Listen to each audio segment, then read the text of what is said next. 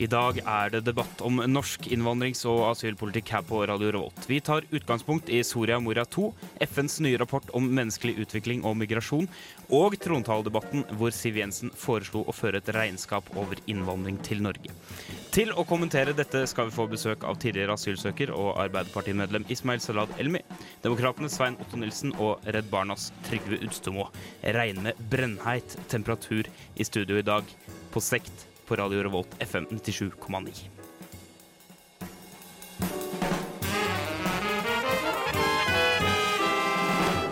De lytter til Sekt.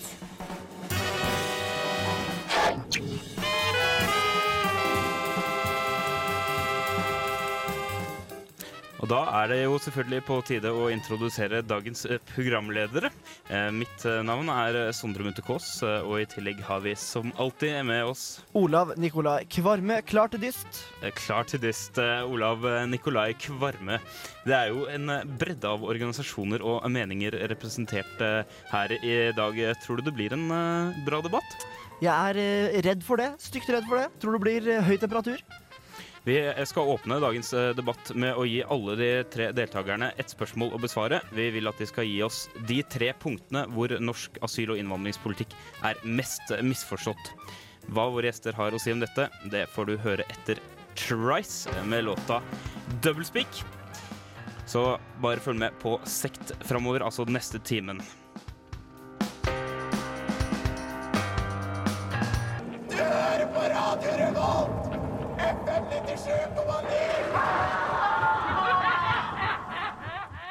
15 minutter før eh, dagens eh, sending av eh, Sekt, så ga vi de tre debattantene våre følgende oppgave.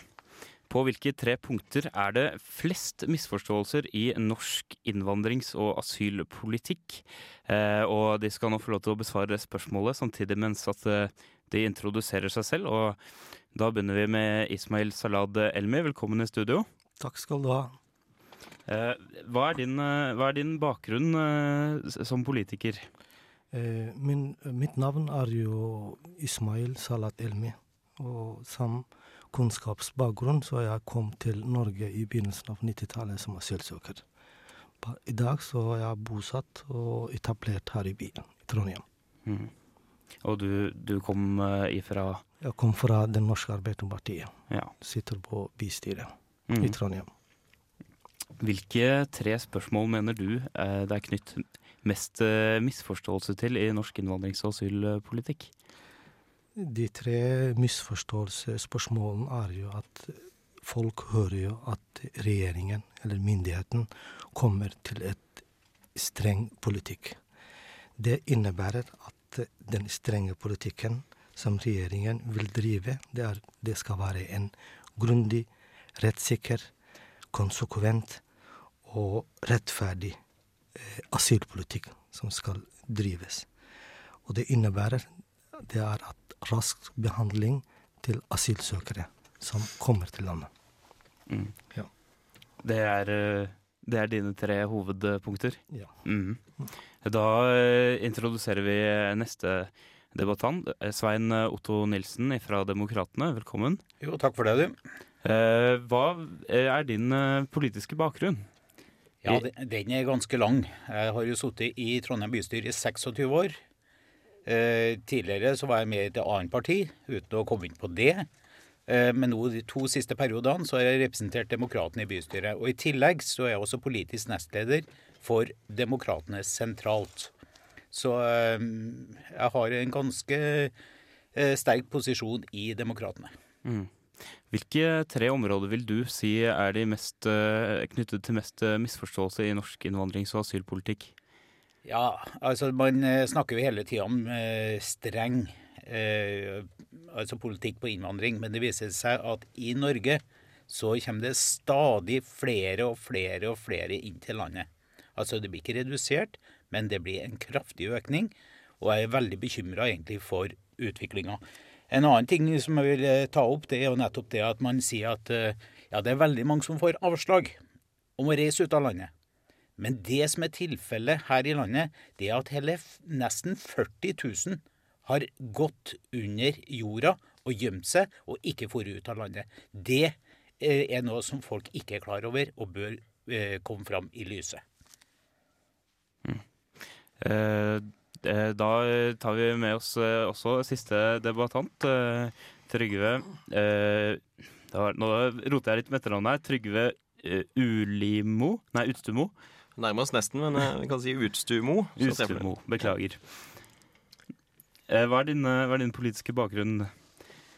Jeg har vel absolutt ingen politisk bakgrunn. Jeg eh, sitter som nestleder i eh, Trondheim Redd Barna. Og har i eh, fire til fem år jobba frivillig med barn og ungdom på asylmottak og innvandrerbarn og ungdom i eh, Trondheim. For å styrke deres rettigheter og enkelt og greit eh, bidra til en bedre hverdag for dem.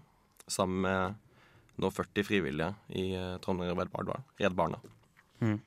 Hvor er det knytt eh, størst misforståelser til asyl- og innvandringspolitikken? Det er et vanskelig spørsmål, syns jeg. Men jeg syns den største misforståelsen som vi eh, ser i Norge i dag, og, og i media, er dette på med retten til å søke asyl. At I Menneskerettighetskonvensjonen så står det at alle, absolutt alle, har en rett til å i ethvert land søke asyl. Det betyr ikke at man har rett til å få innvilga asyl, men man har rett til å faktisk komme til et land og søke asyl. Dette er menneskerett, og det gjenspeiles ikke i den politiske debatten i dag.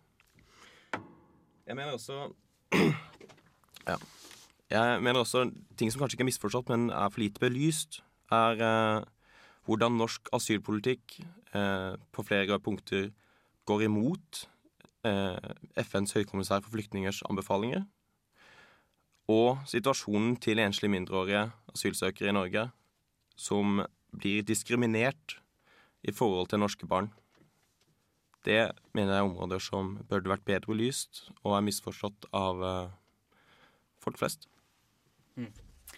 Etter at vi har hørt uh, Mutley Crew, så skal vi snakke om eh, de nye punkter i eh, den eh, nye regjeringserklæringen eh, Soria Moria 2. Men eh, først altså litt musikk her på Radio Revolt, FM 97,9. Soria Moria-erklæringen eh, versjon nummer to eh, foreligger altså, og på fronten eh, innvandrings- og asylpolitikk eh, så har eh, iallfall av norsk eh, presse regjeringspartiene blitt veldig anklaget for å ha en jeg har tatt en høyrevridning i, i sentrale spørsmål. Eh, I erklæringen så står det eh, eh, av flere ting. Så står det at regjeringen ønsker å opprette et nasjonalt identitets- og dokumentasjonssenter. Ønsker å utvide bruken av meldeplikt og pålegg om eh, bestemt bosted overfor eh, asylsøkere som begår kriminalitet. eh, Og heve terskelen for oppholdstillatelse på humanitært grunnlag. Svein Otto Nilsen fra Demokratene, er det en høyrevridning i denne den rød-grønne regjeringen, dette her? Jeg skulle ha ønska det har vært det. Men så lenge som SV står bak det, så er det fine ord, egentlig, for å, å demme, demme opp litt mot eh, det som skjer bl.a. fra Frp og Høyre, som kjører veldig mye på det. Demokratene støtter jo alle de forslagene som du her refererer til. Og vi har jo også helt klart i programmet at alle asylsøkere testes for hiv for å forebygge spredning av aids. Og det skal tas DNA-prøve av samtlige asylsøkere som registreres i det nasjonale DNA-registeret. Jeg tror det er nødvendig, for som jeg sa i sted, det er svært mange av dem som er asylsøkere, som går under jorda og gjemmer seg. Og vi må få tak i det som Det er rett og slett dynamitt, det som skjer i det norske samfunnet i dag. Eh, Ismail eh, Salad Elmi, det er jo eh, ditt parti, Arbeiderpartiet, som er, er med på å utforme Soria Moria 2. Er du enig med eh, partiet i, i disse punktene som eh, jeg nevnte nå? Eh, Selvfølgelig, jeg er jo enig med disse punktene. Men før jeg eh, går løs på disse tre punktene som du nevnte, så det er jo jeg vil presisere at vi bygger vår flyktning- og asylpolitikk på et internasjonalt trakter. Avtaler og konvensjoner. Så tilbake til å opprette et nasjonalt identitet- og dokumentsenter, altså forkortelse av NID. Mange flyktninger og asylsøkere som kommer til landet uten papirdokumentasjon. Og da dette er, det, det kan være fordel for dem for å, for å registrere disse, fordi når man ikke kan identifisere seg hvem det er, så det er nødvendig for å opprette slike eh, eh. Når det gjelder eh, å gjennomføre opptak av biometriske kjennetegn, kjennetegn i visumsakene, så for å være ærlig, så jeg har ikke har ikke så veldig mye større forståelse av hva dette innebærer. Nei. Ja. Mm. Uh, men vil du si at det er en, at det er en høyredreining fra den rød-grønne regjeringen? Uh, nei, jeg ser jo at det er jo Soria Moria 2. Så Det er klart de, de rød-grønne har nå innsett at problemet er såpass stort at det må gjøres noe. Og eh, sånn sett så er det positivt at man nå eh, tar tak i kanskje der de største problemene er. Dem som gjemmer seg under, dem vi ikke får tak i, og dem som ikke har papirene når de kommer hit. Og bare det er litt skremmende at man kommer til landet her, ikke har dokumentasjon, ingenting.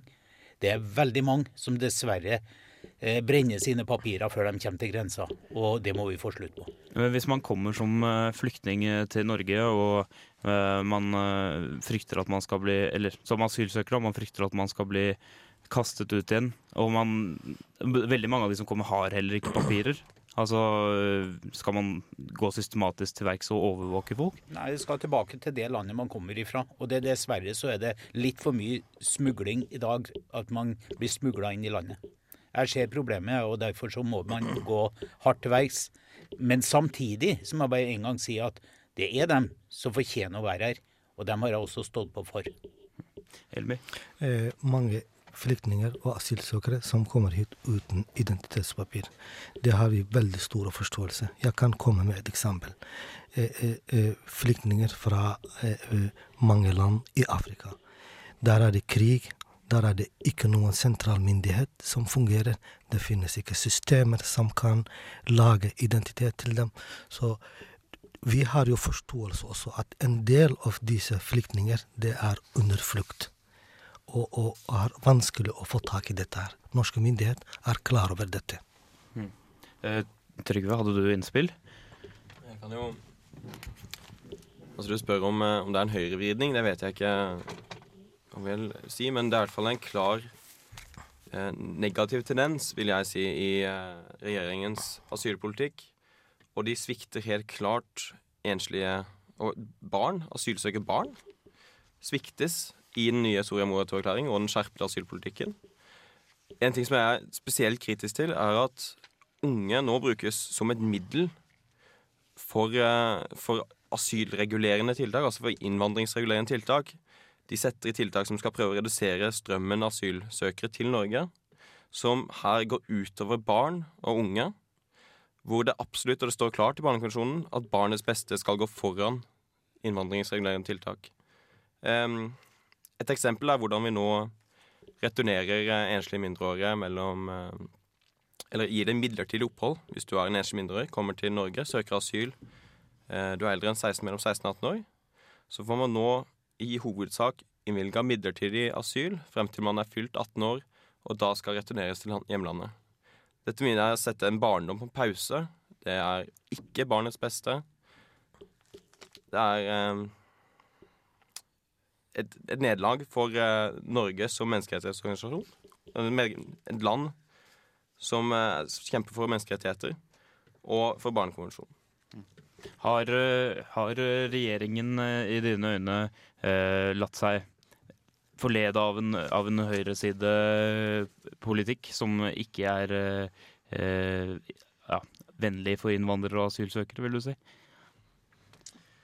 Regjeringen fører i hvert fall en, eh, en politikk som ikke er vennlig for asylsøkere og for barn av asylsøkere, familier og mennesker som har etter eh, FNs høykommissær for flyktninger bør få opphold i landet. En kommentar fra eh, Svein Otto? Ja, altså Jeg er til viss grad enig med det som kom frem, det med mindreårige barn. Vi har jo eksempler eh, nettopp fra eh, Midt-Norge her, hvor altså mindreårige barn har blitt sendt til fosterforeldre. Så har de bodd til fosterforeldre i lengre tid, og så blir sendt ut. Eh, Det var jo en veldig stor mediedekning nettopp på det.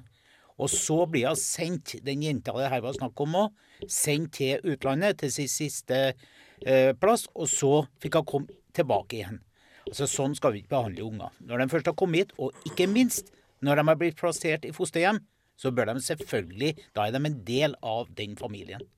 Så jeg er ganske klar egentlig på det måte at hvor, hvem er det som skal få være her. Og i sånne tilfeller så er det ikke tvil. Når man først har benytta seg av fosterforeldre, og at de har fått vært der, så fortjener de også å være her i landet. Så man skal beskytte barn. Jeg beskytter egentlig dem som da Da har de blitt en del av den familien. Og jeg husker den diskusjonen. Og jeg var vel en av de første som gikk ut og ga klar støtte til den familien som det her var snakk om, uten å komme nærmere på hvem det var. De fleste lytterne husker sikkert den diskusjonen. Det er ikke så lenge siden. Elmer, kommentar?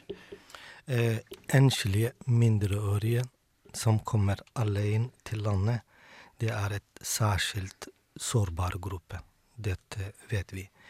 Eh, regjeringen vil at disse barna eh, eh, som, som, som er i asylmottaket, skal gå til omsorgssenteret.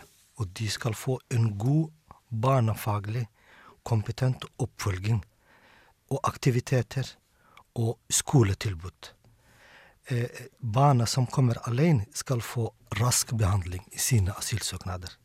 Dette står i Soria Moria-erklæringen. Men det virker jo som dere da på en måte alle tre er enige om, eh, om spørsmålet med, med barn. Hva er det som eh, gjør eh, at voksne asylsøkere stiller så mye annerledes enn de enslige mindreårige? Jeg må i hvert fall si at jeg er litt overraska over så mange yngre.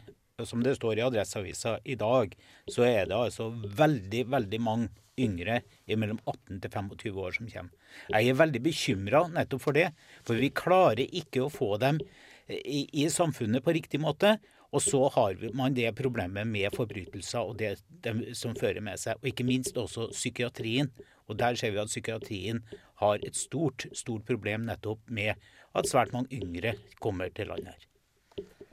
Eh, er det flere innspill i, i tema Soria Moria 2? Hvis ikke så skal vi høre Wilco med Wilco uh, The Song. Uh, og etter det så skal vi prate litt om den nye FN-rapporten om uh, menneskelig eh, migrasjon, eh, og hva den sier om dette. Men eh, først altså Wilco The Song.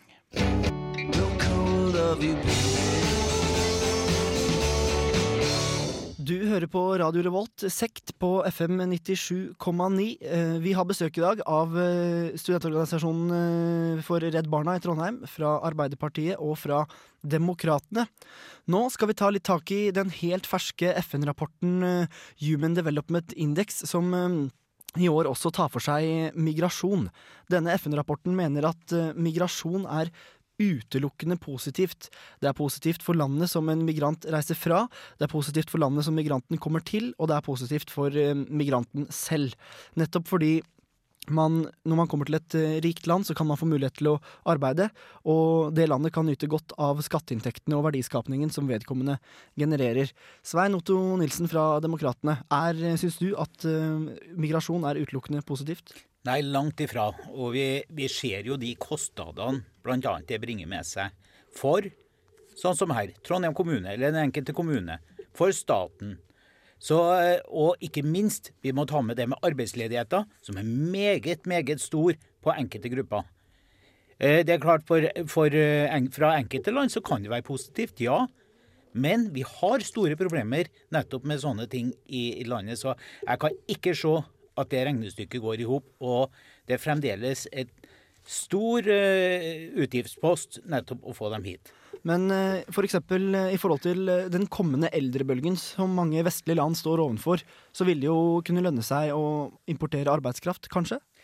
Ja, vi ser jo at vi har fått det i dag. Og det er vel takket være EU og EØS som demokratene er kraftig imot. Vi ser at det flommer over med arbeidskraft fra, fra en del land. Så jeg, jeg syns ikke det der er utviklinga vi ser på sykehjemmene. Det er vel og bra det å ha forskjellige nasjoner til, til å, å hjelpe våre, våre eldre. Men altså, det går De kommer til landet, og det tar ikke lang tid før man skal passe på de gamle. Og da har vi også et problem. Altså, jeg har vært mye på sykehjemmet, og når det ikke engang går an å kommunisere med den som skal hjelpe de gamle, så er jeg bekymra. Ismail, har du noen synspunkter på migrasjon? Ja, det har jeg mange synspunkter og eksempler. Jeg er jo helt uenig med eh, Svein Otto? Svein Otto. Eh, hans synspunkter. Migrasjon er en ting som er veldig positivt i Norge. Det er veldig positivt for immigrantene. Det er veldig positivt for der de kommer fra, og det er veldig positivt på, i landet. De betaler skatt, de yter eh, eh, jobb, de kultur og, og mye andre ting. For å ikke eh, eh, gå langt, så du kan ta meg eksempel. Jeg kommer jo hit fra Jeg kom fra et verdens fattigste land. Når vi snakker om fattig, så vi snakker om fullstendig fattig. Jeg kom jo hit, bygget karriere, etablerte meg, har jobb siden eh, eh, midten av 90-tallet, betaler skatt. Mine familie, min gamle mor, min gamle far, mine søsken lever av at jeg bor her og tjener penger. Jeg er en god eh, Jeg føler jeg og mange av disse migrantene er gode eh, eh, børgere som har bidratt til å bygge Norge også. Nilsen? Jeg, jeg er enig når det gjelder bl.a. sånn som kultur, og ikke minst også matveien. Vi får inn nye impulser. Det får vi også når vi reiser til utlandet, til Syden eller hvor vi så reiser. Vi får altså nye, nye muligheter. Men dessverre så er det ikke alle som eh, er nettopp og kommer ut i arbeid. Og Det er derfor vi Demokratene prøver å være litt restriktive. Vi ser at arbeidsledigheten er stor. Og når man sier at man betaler skatt, ja, dem som kommer ut i arbeid, de betaler skatt. Men dem som må gå på sosialtrygd hele livet, de har ingen, altså gir ikke noe tilbake i form av inntekt til den norske stat. Så eh, Målet bør jo være at dem som er kommet hit nå og får lov til å være her, kommer ut i arbeid, får gode norskkunnskaper, får eh, virkelig bidra tilbake til samfunnet. Og også, som man sier i sted, å komme bl.a. på innen helse, eldreomsorg, hva som helst. Altså komme ut i samfunnet og jobbe. Men så lenge vi ikke klarer det, så må vi sette rett og slett eh, Ikke stenge grensene, men ha en meget restriktiv innvandringspolitikk. Men eh, hvordan kan man eh, på en måte hindre Altså, hvordan kan man få asylsøkere og innvandrere i arbeid? Eller vil du stoppe dem allerede ved grensa? Nei, ja, altså stoppe i grensa. Det skal være, når de kommer til landet, så skal det være rask behandling og raskt ut av landet. Og det skal ikke være sånn som i dag, at de slipper dem, og som kan gjemme seg, som jeg sa i sted. Nesten 40 000 altså, har gått under, uh, under jorda, og det er farlig for det norske samfunn. Så hvordan man skal få det ut i arbeid, jeg er ikke interessert å forprioritere en gruppe mot en annen. Det sitter altså så mye ungdom i, både i Trondheim og ellers rundt i landet som er arbeidsledig, og dem har vi også en oppgave å få ut i arbeid. Trygve fra Redd, Barna, Redd Barnas holdning til migrasjon. Vil dere hjelpe barna der de er, eller eh, vil dere hjelpe dem til Norge og, og andre land, selvfølgelig? Um, Redd Barna tar jo ikke noe politisk standpunkt på, på det punktet. Uh, vi kjemper for, vi er en barnerettighetsorganisasjon, så vi kjemper for barns rettigheter der de er. Og når de først har kommet til Norge, så kjemper vi for barns rettigheter her også. Vi kjemper for barns rettigheter på veien til Norge og i prosessene de er i. Så jeg, jeg kan ikke uttale meg om, eh, om migrasjon, hvorvidt det i prinsippet er positivt til deg, men jeg vil gjerne spørre demokratene på Dere sier dere støtter en, en restriktiv eh, innvandringspolitikk. Og støtter også Soria Moria II-erklæringen og ønsker å gå utover dette.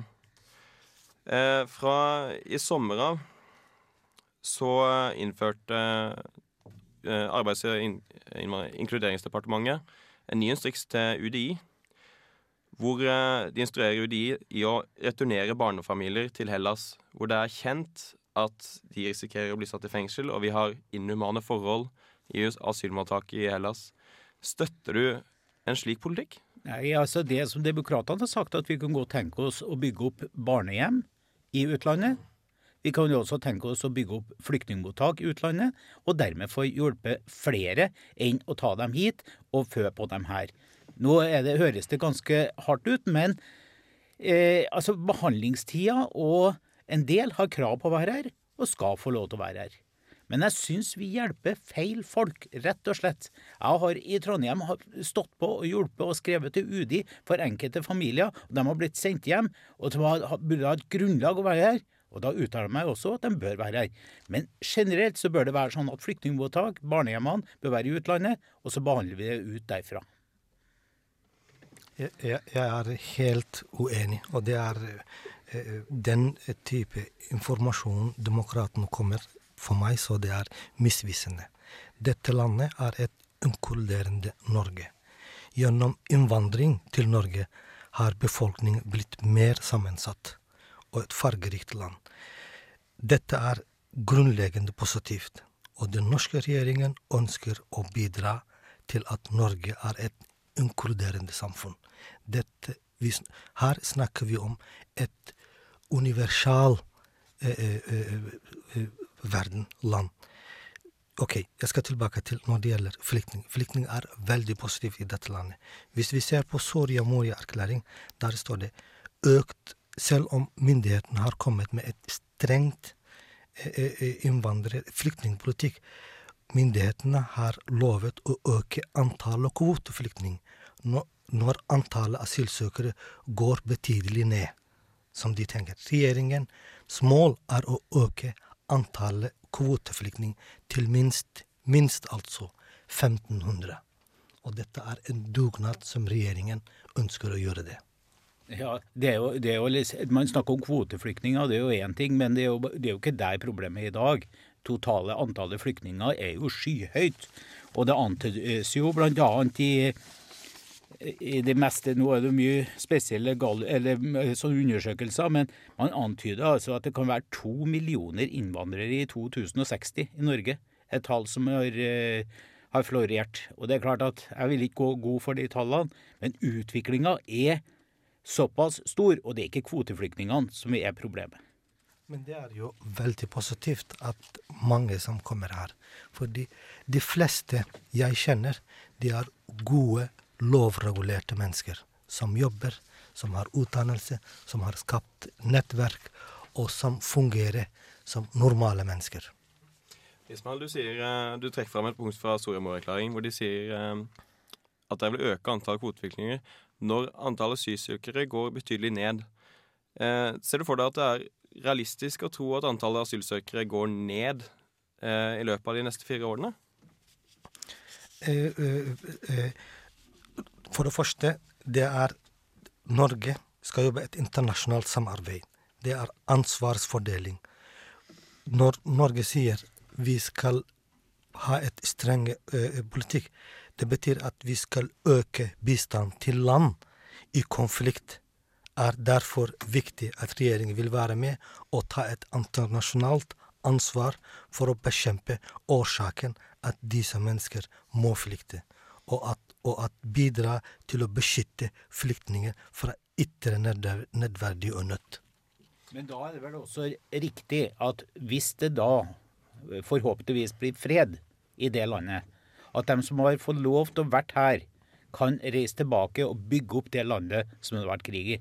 Altså Det bør jo være et mål, som også Arbeiderpartiet er enig i.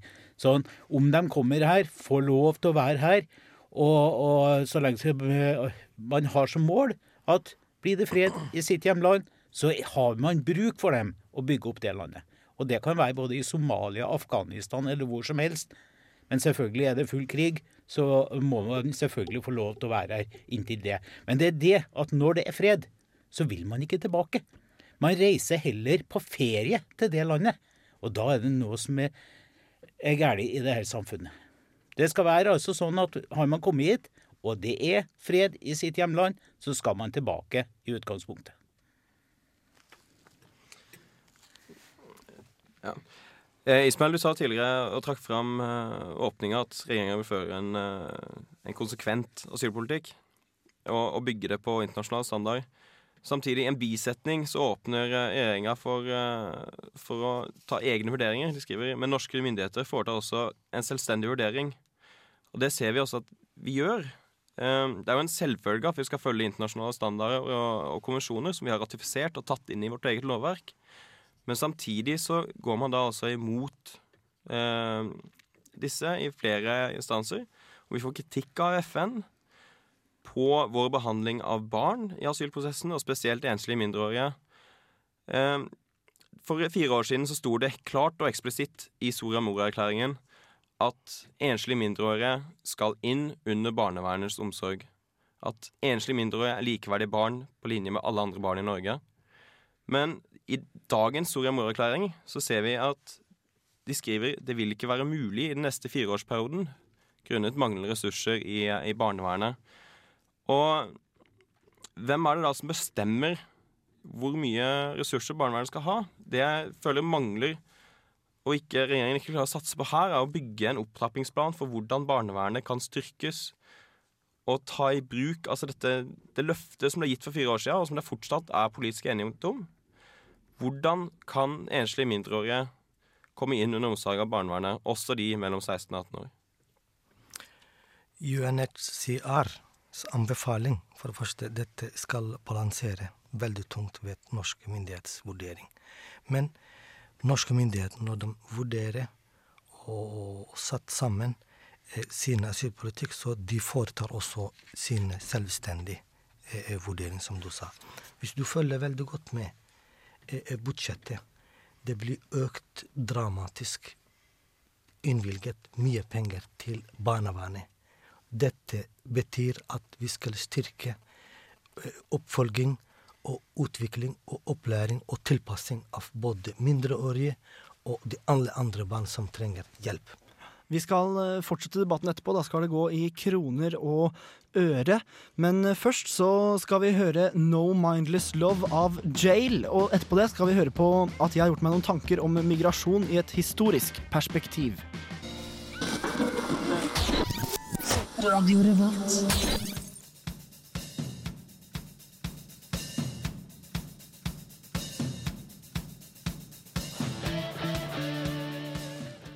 Migrasjon er ikke noe nytt under solen. De første flyktningene var jo sågar Adam og Eva, som ble tvunget ut av Edens hage etter å ha spist av livets tre. For ikke å snakke om Moses, som allerede fra spedbarnet av kan karakteriseres som en flyktning, der han kom flytende i en kiste av papyrusrør ved Nilens bredd. Kanskje han simpelthen hadde det i seg, og da er det muligens ikke så underlig at Gud pekte ut nettopp ham til å føre israelittene gjennom ørkenen og ut av Egypts land. Da de begynte sitt eksodus og brøt opp fra Ramses, var de 600 000 menn, i tillegg til kvinner og barn, og de skulle komme til å bruke 40 år.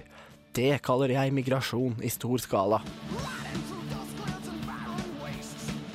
Det blir jo bare småtteri i forhold at oldefar pakket amerikakofferten, satte seg på båten og dro mot det lovende landet i vest. Men han hadde vel sine grunner. Mennesket har til alle tider reist videre i sin søken etter en plass å slå seg ned. Dersom det blir for trangt, mangel på mat, naturkatastrofer eller man blir fordrevet av fremmede makter. Dersom sistnevnte skulle skje, er det bare å gjøre som Iron Maiden sier, run to the hills.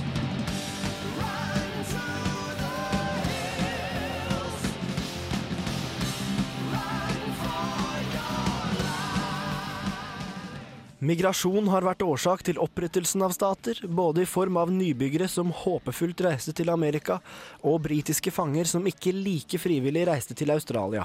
En liten øy som Storbritannia praktisk og løsningsorientert rett og slett brukte til å dumpe fanger på. Slik migrasjon har bidratt til staters vekst, har det like fullt bidratt til staters fall. F.eks. i den såkalte folkevandringstiden i Europa i årene 300 500 etter Kristus, som var en av årsakene til at Vestromerriket falt. På høyden av sin tid var jo Romerriket et av historiens største og sterkeste imperier, og dette burde sette ting litt i perspektiv. Migrasjon er potensielt sterke krefter.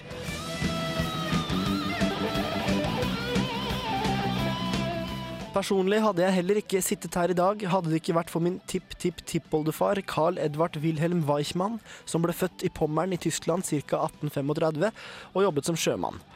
Etter å ha seilt i Norge i 1854, så traff han min kommende tipp-tipp-tippoldemor og bosatte seg i Hammerfest. Poenget med dette er at de fleste av oss er påvirket av migrasjon mer enn vi kanskje selv tror, og ikke minst at migrasjon er noe som har gått i bølger gjennom hele historien.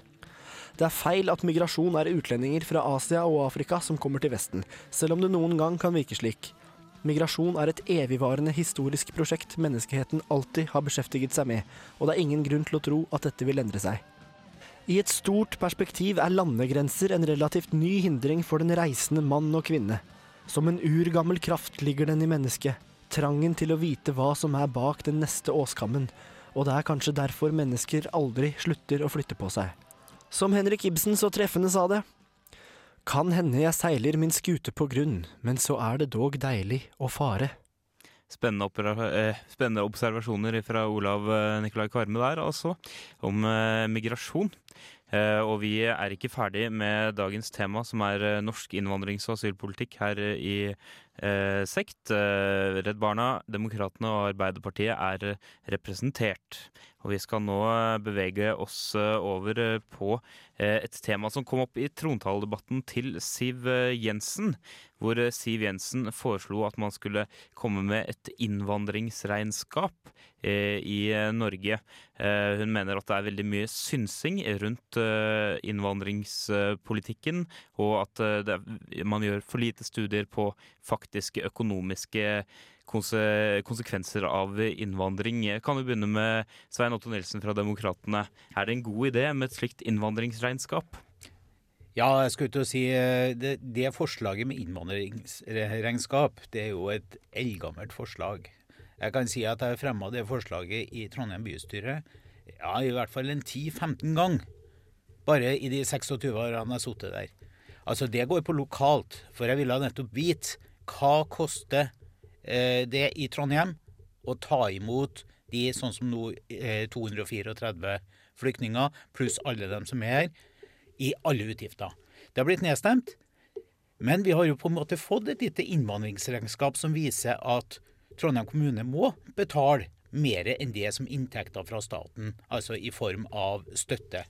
Så det er en reell utgift for den enkelte kommune. Ja, nå, så, nå ønsker Siv Jensen Selv om ikke regnskapet foreligger, så mener du at, er, at du kan konklusivt si at uh, det er en kostnad og ikke en inntekt? Ja, vi, vi, vi klarte jo å dokumentere det til slutt i Trondheim bystyre pga. Altså den eh, Staten dekka bare et visst antall år med sosialstøtte. Altså så over fem år så ble det da eh, kommunen som må ta over.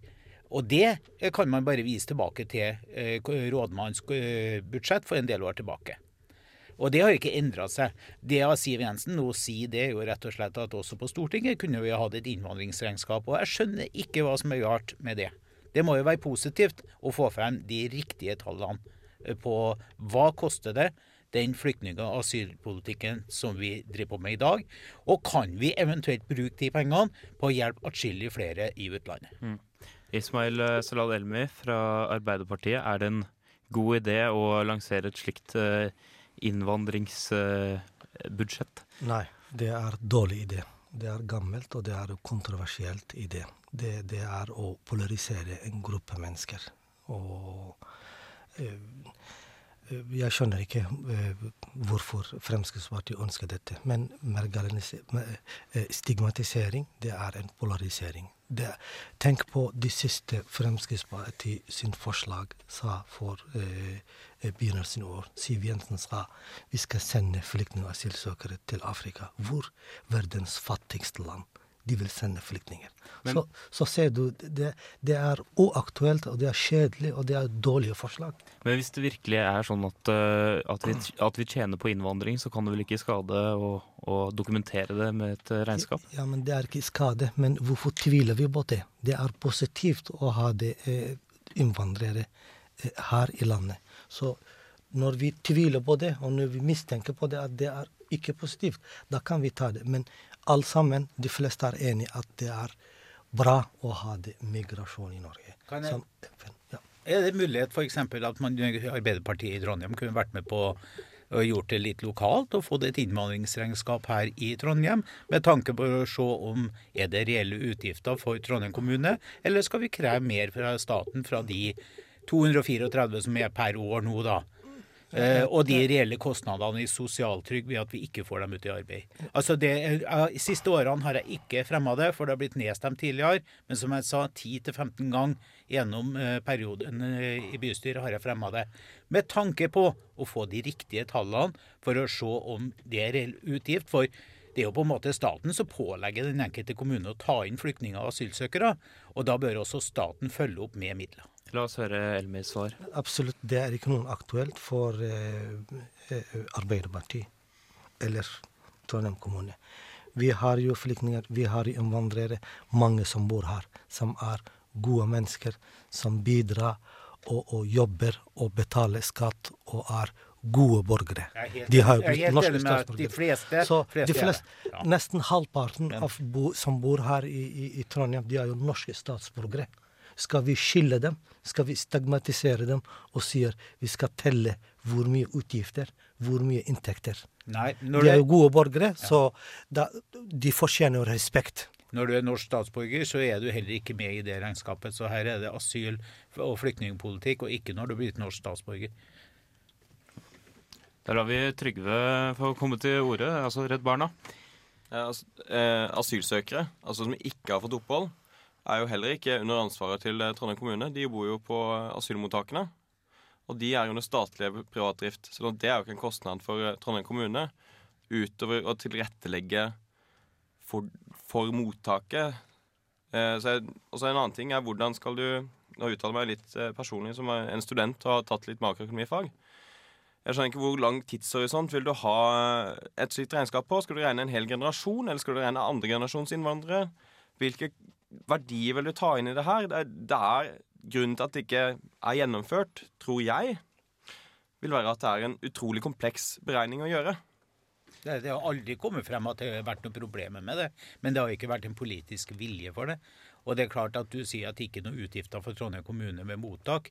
Nei, de få månedene man er på mottak, men så skal man plasseres ut i for en kommunal leilighet, og da begynner ballen å rulle på seg. Og hvis du da ikke kommer ut i arbeid, eller de fleste får jo ikke jobbe heller, før søknaden er behandla.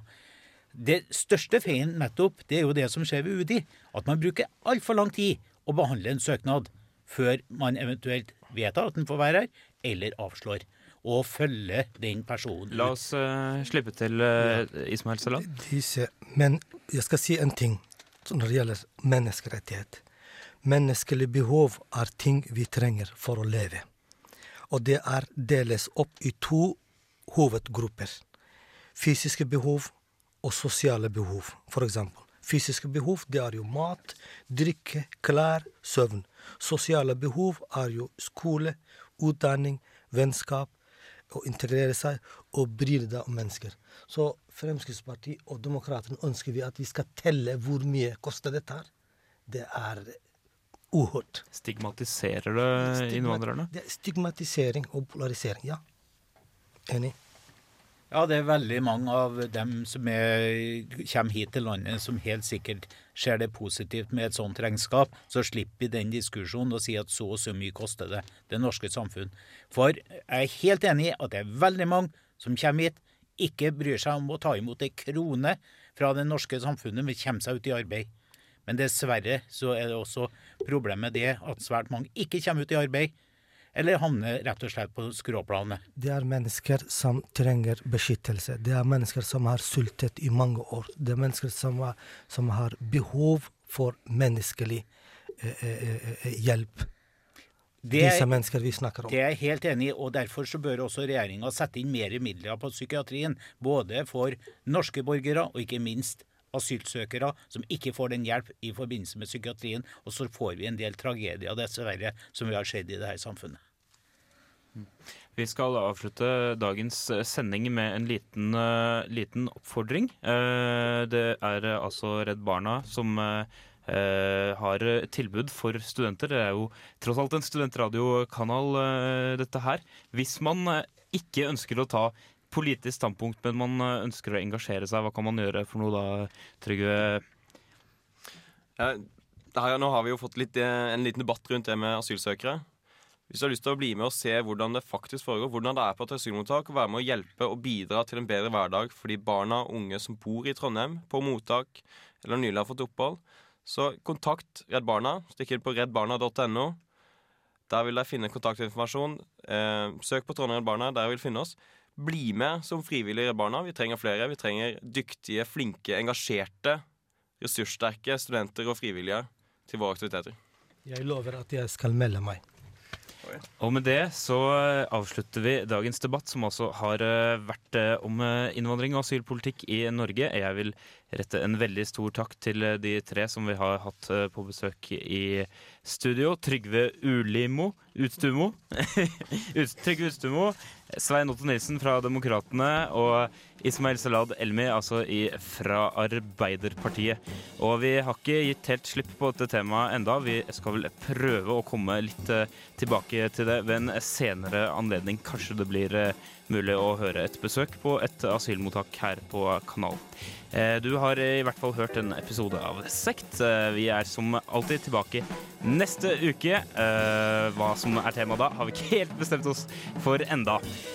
Dagens tekniker Sverre Magnus Mørk, og i studio de to programlederne Sondre Munthe Kaas og Olav Nikolai Kvarme. så høres vi igjen neste torsdag klokka 18.00, eller på søndag klokka to.